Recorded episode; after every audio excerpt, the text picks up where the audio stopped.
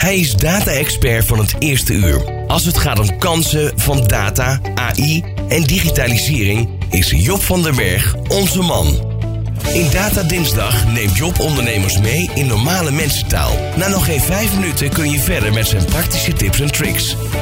Dit is Data Dinsdag.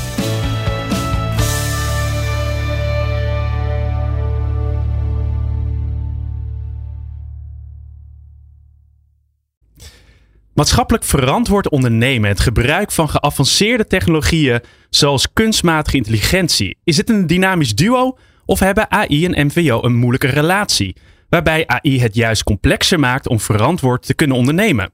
Er zijn nog beperkte regels als het gaat om de inzet van AI. Kun je met het ontbreken ervan überhaupt spreken van verantwoord ondernemen met AI? De milieukant. Het is geen geheim dat AI een enorm beroep doet op onze beperkte hulpbronnen met een bijbehorende CO2-uitstoot. Maar wordt deze ecologische voetafdruk niet meer dan gecompenseerd door AI-toepassingen die ons juist helpen om verantwoorder en duurzamer te ondernemen? Even terug naar de kern. AI is technologie die taken uitvoeren die normaal menselijke intelligentie vereisen. Het is eigenlijk de co-piloot en superstagiair van je bedrijf, die taken overneemt waardoor je productiviteit verbetert. En vaak is komen het voordeel dat het lage kosten tot gevolg heeft en het ook nog eens positief uit kan pakken voor het milieu. 1 plus 1 wordt dan echt 3. Een voorbeeld. AI toepassen om optimale transportroutes te bepalen voor vrachtvervoer. Deze AI-modellen houden rekening met alle omstandigheden om zo efficiënt en tegen de laagst mogelijke brandstofkosten routes te bepalen. Of een AI-gestuurd energiesysteem dat op basis van apparaatgebruik, het aantal zonuren en de energiecapaciteit de temperatuur regelt in kantoorgebouwen, met lagere energiekosten en minder energieverbruik tot gevolg. AI is dus echt een business case. Of beter gezegd, door AI kan MVO een business case worden. Het kan je commerciële model aantrekkelijker maken door kosten te verlagen en omzet te verhogen. De CO2-footprint van servers die AI voeden is daarom vaak een klein offer voor een groot doel. Naar mijn overtuiging zijn AI en MVO absoluut een match made in heaven, mits AI op de juiste manier wordt toegepast. Want met de juiste toepassing en begrip van AI geloof ik dat we een toekomst tegemoet kunnen zien waarin technologie en maatschappelijk verantwoord ondernemen hand in hand gaan. Nu alleen nog het bewustzijn bij ondernemers over de kansen die AI kunnen bieden, de juiste kaders en wetgeving. Dat laatste komt er gelukkig snel aan en dat is belangrijk ook. Verdiep je er vast in en verduurzaam jouw businessmodel. Letterlijk en figuurlijk. Succes! Dankjewel Job van den Berg, onze data- en AI-expert van dienst over ja, hoe data en AI jou kunnen helpen om duurzamer te ondernemen. En het doet me ook altijd denken aan ja, die fantastische overname die Google heel erg lang geleden al heeft gedaan van het eh, Britse bedrijf DeepMind. Dat uh, was, uh, kennen we allemaal omdat ze ooit dat spelletje hebben gewonnen. Hè? Go, ze hebben de wereldkampioen Go verslagen in 2016, 2017. Lee Sedol met hun extreem geavanceerde neurale netwerk. Maar Google die heeft het bedrijf destijds gekocht voor 500 miljoen dollar. Uh, wat op zich in die tijd best veel geld was. Maar ze hebben dat bedrijf ook ingezet om een algoritme te bedenken om het energieverbruik van hun datacenters te verbeteren. En eigenlijk binnen een jaar tijd hadden ze 30, 40 procent efficiëntiewinst daarmee bereikt. En hadden ze die investering gelijk daarmee terugverdiend. Dus het was een hele strategische overname op meerdere vlakken. Ja, Roderick, uh, ja, duurzaamheid begint natuurlijk ook bij data. Want je moet wel, voordat je kan verduurzamen, moet je wel weten wat, wat de status quo is binnen je organisatie. Ja. Beseffen ondernemers dat voldoende?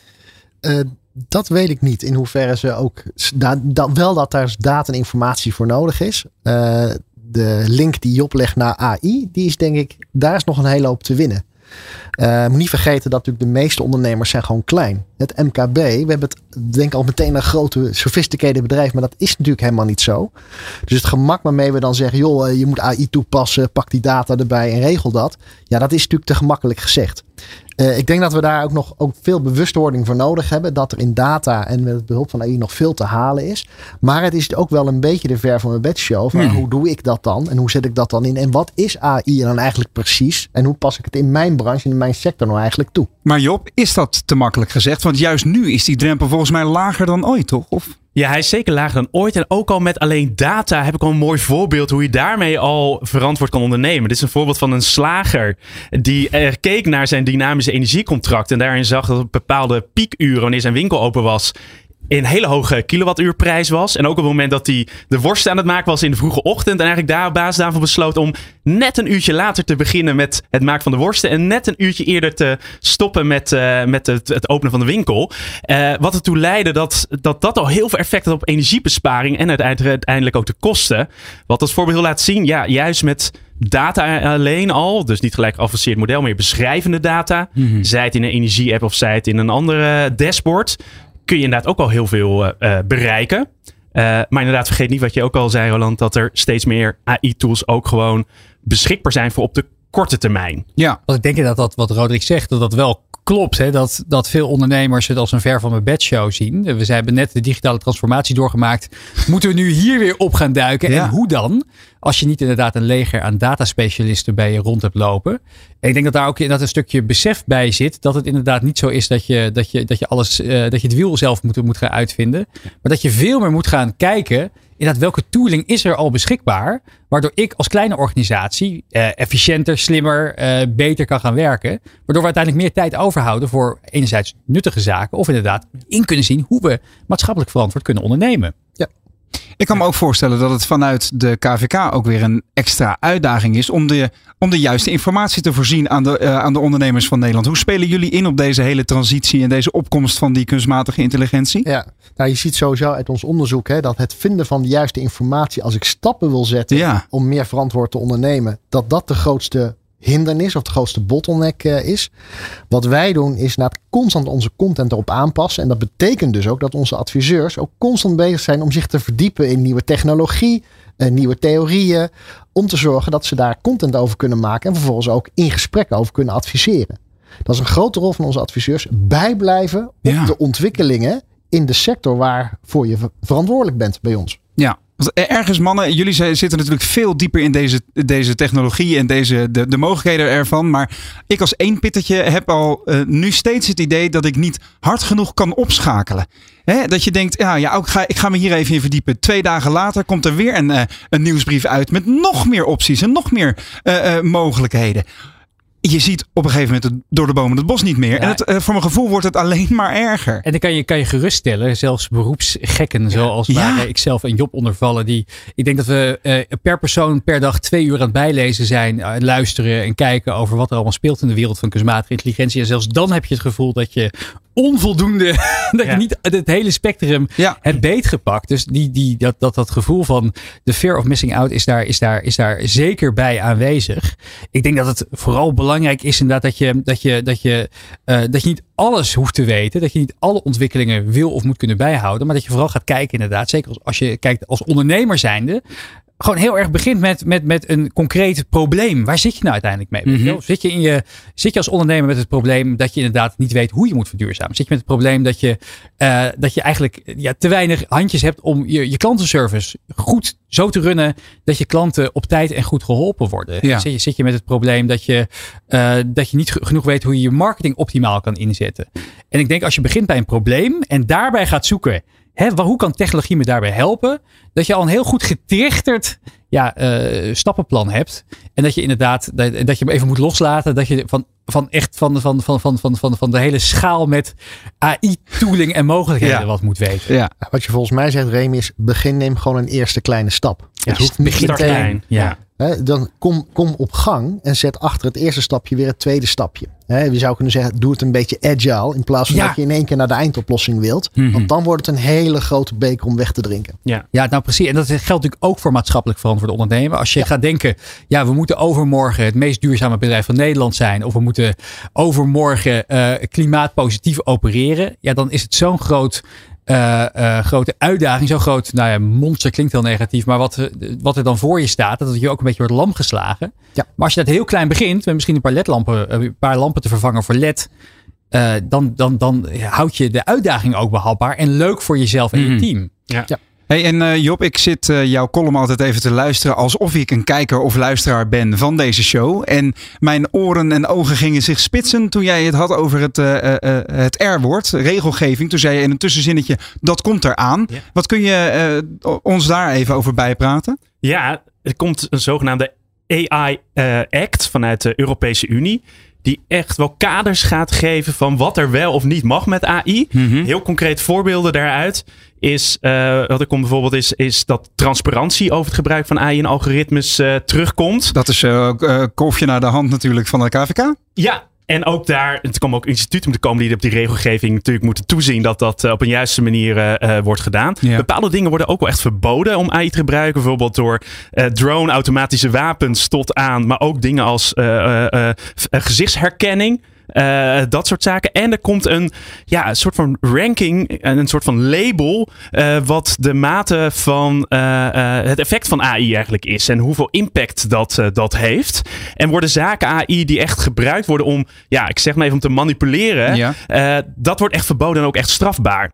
Dus heel goed dat die wet er eraan komt. Ja, ook daar, snel. Ja, daar nog eventjes op, op aanhakend inderdaad. Want hè, gezichtsherkenning aan zich wordt niet verboden. Maar het real-time tracken in openbare ruimtes met ja. biometrische data. Dus dat je als je in de winkelstraat loopt, dat de, de lokale uh, franchise-organisatie van uh, franchise-ondernemer van nou ja, een willekeurige supermarkt, ja. dat, die, dat die kan bijhouden van wie loopt hier eigenlijk langs, wie is dat? Wat Gilling staat weer bij de trekpleister. Ja, precies. Ja.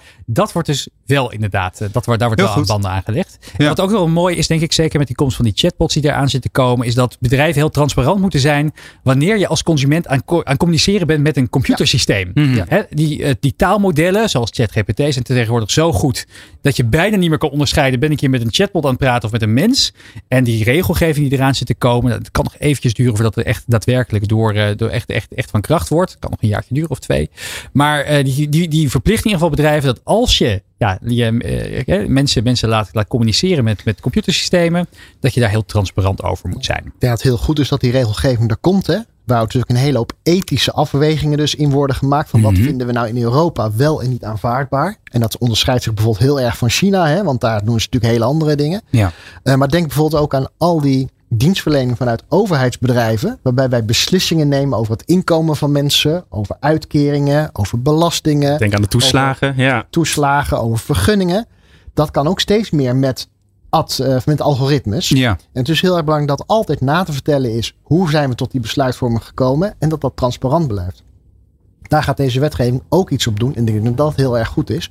En ja, daar moet je er ook toezicht op houden. Dat we ons daar met z'n allen aan houden. Mhm. Want daar zitten natuurlijk ook wel nadelen dan aan. Hè? Dat misbruik ligt eigenlijk op de loer. Jij zegt het eigenlijk ook, Job. Ja. Roderick, als je kijkt naar deze technologie, hè, de, ik denk, ik denk kunstmatige intelligentie, dan is dat wel, het wordt ook de sleuteltechnologie van de toekomst genoemd, omdat het natuurlijk alle facetten van ons dagelijks leven gaat, gaat, gaat, gaat, gaat, gaat veranderen, ook in, in de bedrijven. We gaan steeds meer samenwerken met computers en we zullen daar in Nederland ook, ook ja, als we mee willen doen in die, in, die, in die economie van overmorgen, zullen we daar stappen in moeten nemen. Ja.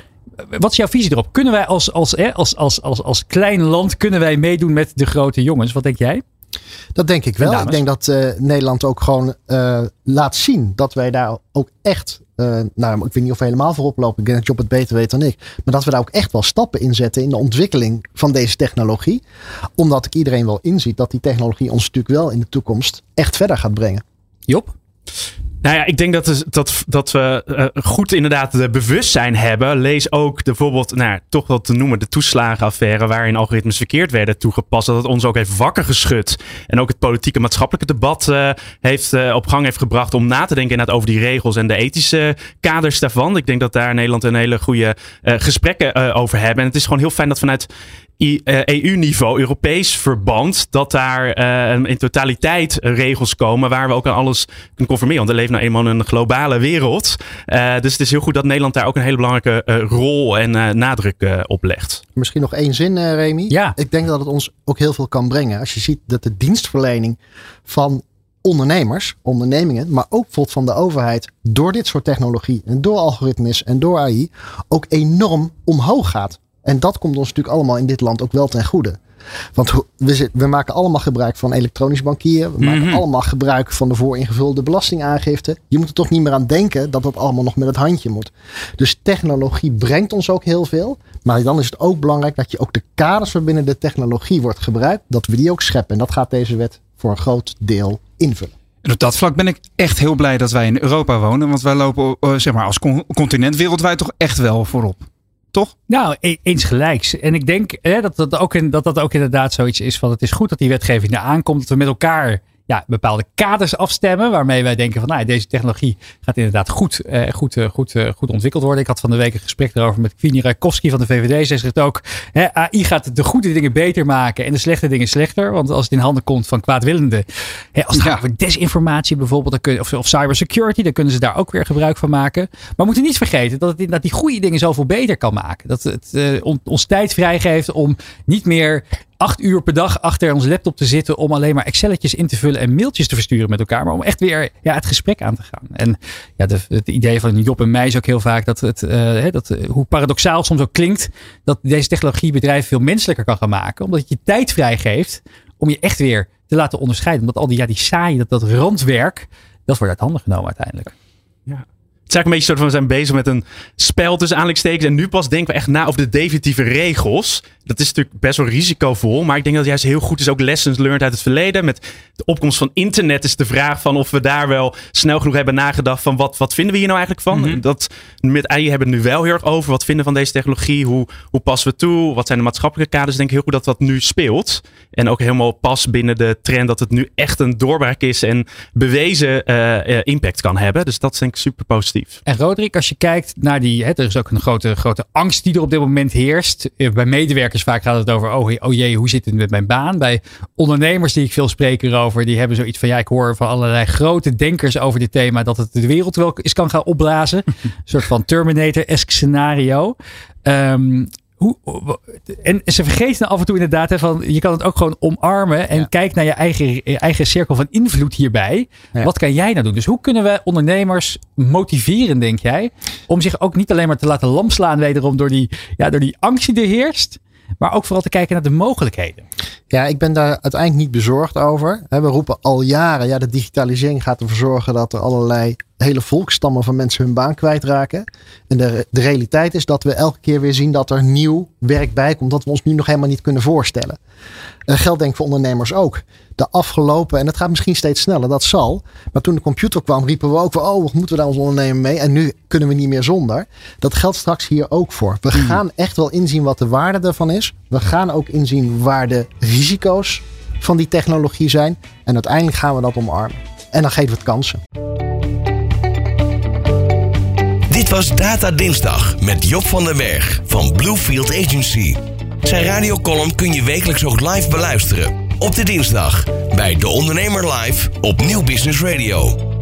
Ben je nieuwsgierig naar ondernemersnieuws, maar dan op zijn Nico's? Luister dan de podcast Ondernemertjes. Met onze huiskolonist Nico Dijkshoorn.